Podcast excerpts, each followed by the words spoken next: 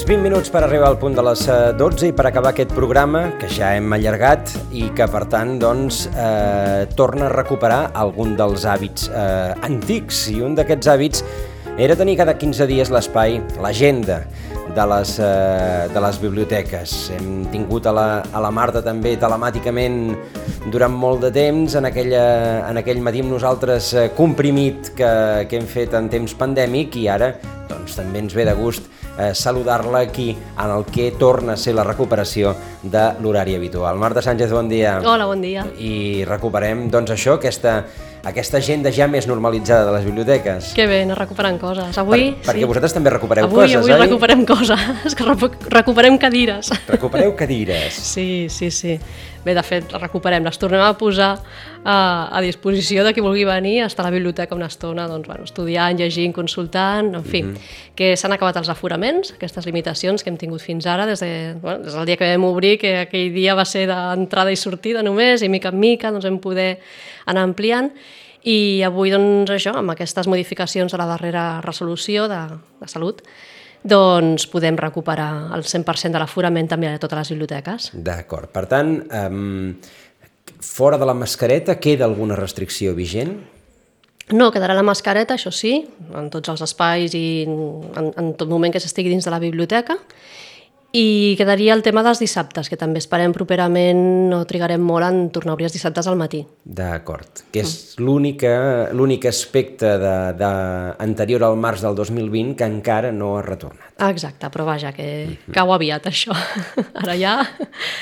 I doncs això, a partir d'avui doncs, recuperem els punts de consulta a les sales, Uh, S'elimina el límit del 70% d'aforament en els espais on fem activitats. Fins, bueno, fins fa res, quatre dies estàvem amb un, amb un 50%, després vam passar al 70%, doncs ara ja estarà. I de rebot desapareix també aquesta obligatorietat de fer inscripció prèvia o de portar registres d'usuaris.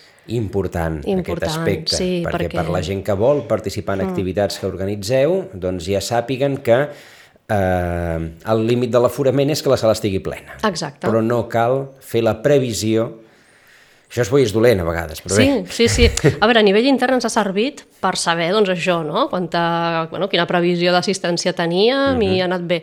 Però clar, entenem no, que de cara a les persones que volen venir, a vegades sí que pot ser una barrera el fet d'haver-se d'apuntar abans perquè potser no li arriba la informació o potser no té clar si podrà o no podrà i per tant davant del dubte ja no s'apunta, en fi, aquestes Correcte. coses que han passat, no? O persones que s'han apuntat, després no han vingut i han quedat places lliures, en fi, tot aquest... aquest La- embolic. L'embolic aquest s'ha acabat, S'ha no acabat. caldrà entrar a la, a la pàgina web per, per registrar-se ni res. Simplement... Només, mm, només quedarà com abans, eh, de fet, per coses, bueno, lògicament, doncs, per tallers que sí que per el bon funcionament d'aquell taller en concret o d'aquella activitat es necessita una limitació de persones, però bueno, això ja és ho, ho habitual que fèiem sempre. Mm -hmm. Perfecte, doncs eh, a veure, comencem a repassar aquesta agenda dels propers 15 dies. Comencem, doncs avui, avui muntem una exposició al pati de la Biblioteca Santiago Rossinyol. El títol d'aquesta exposició és Quan parles fas màgia.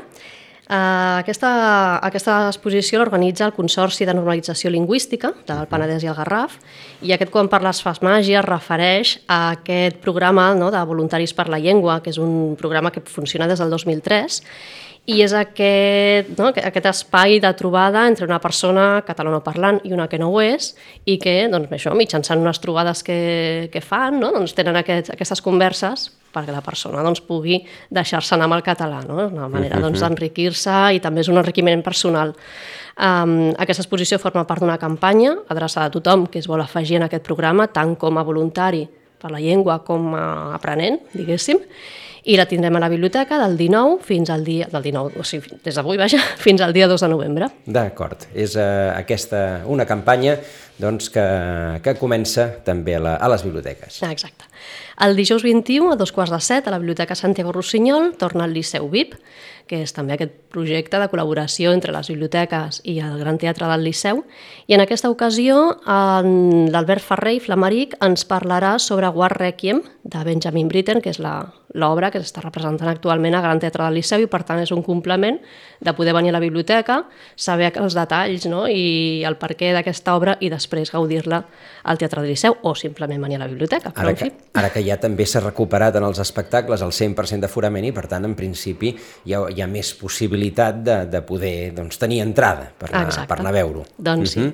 L'Albert Ferrer Flamarí, que és musicògraf i divulgador i crític musical, per tant, la persona més adequada per parlar-nos sobre òperes i sobre obres musicals. Uh -huh. Això serà el dijous 21.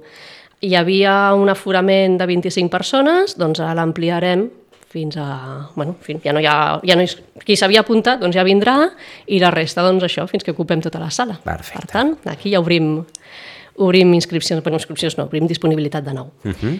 El divendres 23 tenim un, un taller d'escriptura creativa dintre del programa Bibliolab.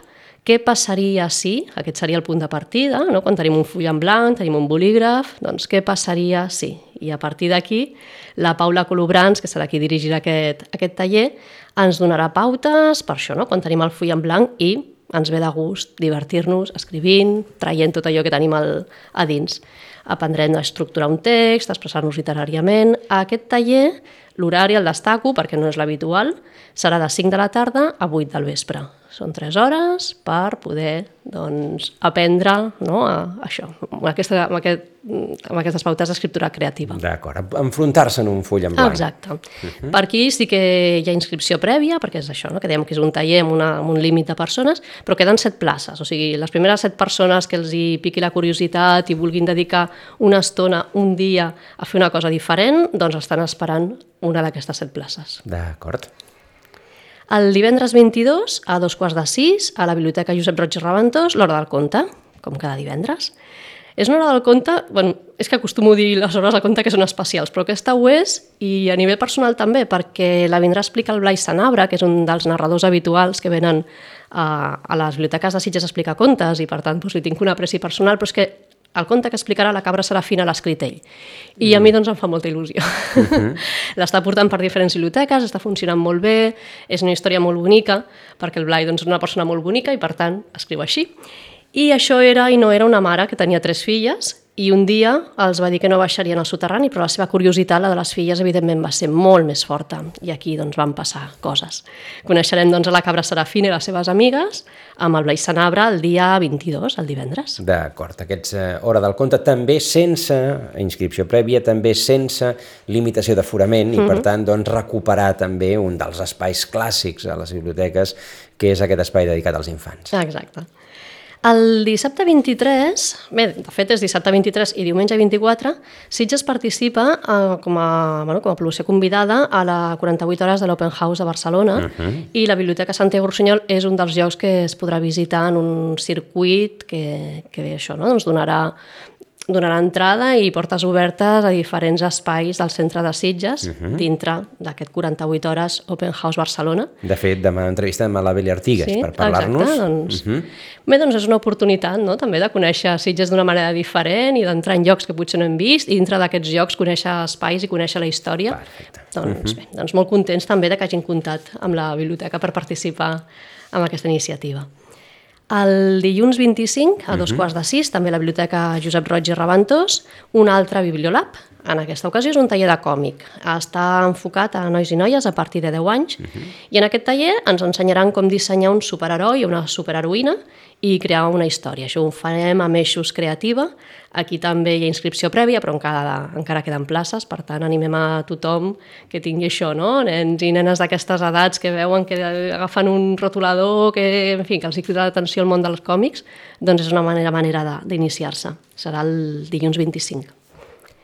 El dijous 28, a dos quarts de set, a la Santiago Rossinyol, presentem una novel·la, Los vértices de Dios, i, com no, quan presentem novel·les doncs venen els autors, les autores, i així també doncs, es coneixem de primera mà i les converses que tenim amb ells, la veritat és que són molt interessants quan ens expliquen no, tot el procés creatiu, a part de l'argument de la novel·la, o a part que portin exemplars per vendre, però la gràcia està això, no, de, de, de com han arribat fins, fins a aquell llibre que després ens presenten. Uh -huh. L'autora és Marimena Ayuso, ella és traductora i també part d'escriptora, i aquest llibre està publicat per Ediciones de Salinas. És la seva segona novel·la i en aquest cas ella tracta sobre persones que tenen molt en comú, encara que a primera vista no ens ho sembli. Les tres protagonistes viuen o estan immerses en el món de la prostitució, una d'elles, l'altra dins de la religió catòlica i l'altra és una immigrant. I llavors, bé, doncs amb elles, a través de les pàgines d'aquesta novel·la, compartim les seves emocions, les seves pors, però sobretot les seves ganes de viure. Uh -huh. Doncs de tot això parlarem amb la Marimena Ayuso el dia 28 a dos quarts de set. D'acord. I presentacions el... sí. de novel·les, presentacions de novel·les que també tornen, lentament sí. però tornen. N'hem anat fent, però clar, uh -huh. de l'aforament també ens limitava una miqueta, uh -huh. però sí, sí, tenim moltes ganes això, no?, de donar a conèixer Uh... És, que, és que ara em plan... sí. deies, deies això i també pensava una altra cosa. Clar, probablement el confinament ha fet que també molta gent en cada casa hagi escrit més. Ja, sí, sí, sí. I ara sí. es començarà a veure sí. obra, també. Doncs sí, sí, sí, sí que, sí que ha passat, sí, sí. Uh -huh. Hi ha gent que ha llegit més, no? Uh -huh. I n'hi ha que, és veritat... Que han creat més. Que han creat més, sí, uh -huh. perquè més va ser un moment així tan cap a dins, no? Que potser és el moment també de, de treure. El divendres 29 a dos quarts de sis a la Biblioteca Josep Roig i Reventós, de nou, és divendres, doncs uh -huh. hora del conte. Fem por a la por, a càrrec de petita companyia. En aquesta ocasió ens faran entendre i ens faran veure que sí que de vegades tenim por. Doncs el protagonista d'aquesta història, quan era petit, sentia soroll sota el llit. Però eren ben reals, tot i que el germà gran reia quan ell li explicava. I sort en va tenir de l'avi. L'avi sempre sabia què calia fer. Fem por a la por és una sessió de narració oral per totes aquelles persones valentes que de vegades tenim por. D'acord. Mm -hmm. Serà el divendres 29. Molt bé. I, i pel novembre, doncs bé, tenim més coses preparades. Eh, tornen també, bueno, us volia destacar a l'Escola Miquel Utrillo, que ja un, fan un club de lectura, han recuperat amb les classes de quart, de cinquè i de sisè els clubs de lectura i les biblioteques col·laborem amb ells i portem un dels grups. I és una cosa doncs, bueno, que ens fa especial il·lusió perquè són moments molt macos no? de compartir lectures amb aquest grup de, de nois i noies, de nens uh -huh. i nenes, i d'anar estirant del fil i a partir d'una anècdota que surt en el llibre doncs, ens expliquen les seves vivències, bueno, és una experiència molt maca i per ells és una, també no, una manera d'entrar en el món, d'entrar o de seguir, o de, de gaudir uh, de la lectura d'una manera molt diferent, no? compartint entre tots doncs, les seves opinions, les seves idees, i realment és molt interessant i molt divertit perquè, perquè és que són molt divertits. Uh -huh. Val la pena escoltar-los. De, de fet, eh, les, les biblioteques van acollint, encara que, que la cosa hagi estat tancada, van acollint els col·les, també van, van venint sí, les classes, sí, no? Sí, sí, el, ja durant el curs passat, la, me'n recordo que no se m'oblidarà en la vida la primera visita d'una mm -hmm. classe que vam tenir, perquè va ser molt emocionant, molt, molt. A més, en deien els mestres que, clar, quan venien, no? quan sortien de l'escola i venien cap a la biblioteca, els nens també anaven supercontents, anaven saludant a la gent perquè sortien de l'escola. Mm -hmm. Sí, sí, l'any passat també vam fer i aquest curs també bueno, ja tenim tota una programació i, no, i, un, i un calendari de visites i també, cosa que ens fa molta il·lusió, dels instituts, perquè amb ells sí que és clar. més complicat i en aquest curs hem tingut demandes de visites dels instituts. No? Uh -huh. I llavors, clar, que els nois de secundària també vinguin, doncs és molt important, perquè clar. és que si no hi ha un trencament. Sí, sí, sí, sens dubte. És a dir, el trencament que ha representat la pandèmia per tothom, mm. doncs que, que també no, no hi hagi un forat en, mm -hmm. en alguns grups que, que habitualment doncs, sí que passaven mm -hmm. per, la, per les biblioteques i ara no, i ara no hi passen. Doncs sí, sí, sí. Mm -hmm. um, i, I una altra qüestió, la Roig i Reventós mm -hmm. uh, va estar tancada per obres sí. i això, ara tot està ja uh, normalitzat, no? Sí, sí, sí, van obrir i van obrir el primers d'octubre, sí, uh -huh. I sí, sí, està normalitzat. També per ells ha sigut un pas molt important el fet de que quan, abans de les obres, diguéssim, no? aquestes que van, van obligar el tancament, però encara no podien oferir llocs de lectura, ni de consulta, ni del servei d'internet i més, i ara d'ençà que han obert, doncs sí que ja han pogut, no? primer amb, aquest, amb aquestes limitacions d'aforament i ara ja no, per tant l'ús és totalment normal també a la, a la Roig i Reventós. Uh -huh. um, L'accés al material informàtic ja és complet també, no? als, als ordinadors que sí, teniu a les sí. sales de, de consulta Exacte. i consulta d'internet i tot això. Sí, també, fins ara això, no? amb la limitació d'aforaments també hi havia una distància de seguretat uh -huh. i ara, bueno, fa res, doncs 15 dies potser, que també es van eliminar perquè en els serveis on podia, es podia portar un control d'assistència llavors no calia aquesta distància de seguretat i per això es va ampliar el 70% a les sales d'actes i també es va treure aquesta distància en els ordinadors perquè se, se sap qui està consultant o qui ha consultat l'ordinador, llavors en cas d'un positiu es podia fer aquest seguiment. Ara ja està també.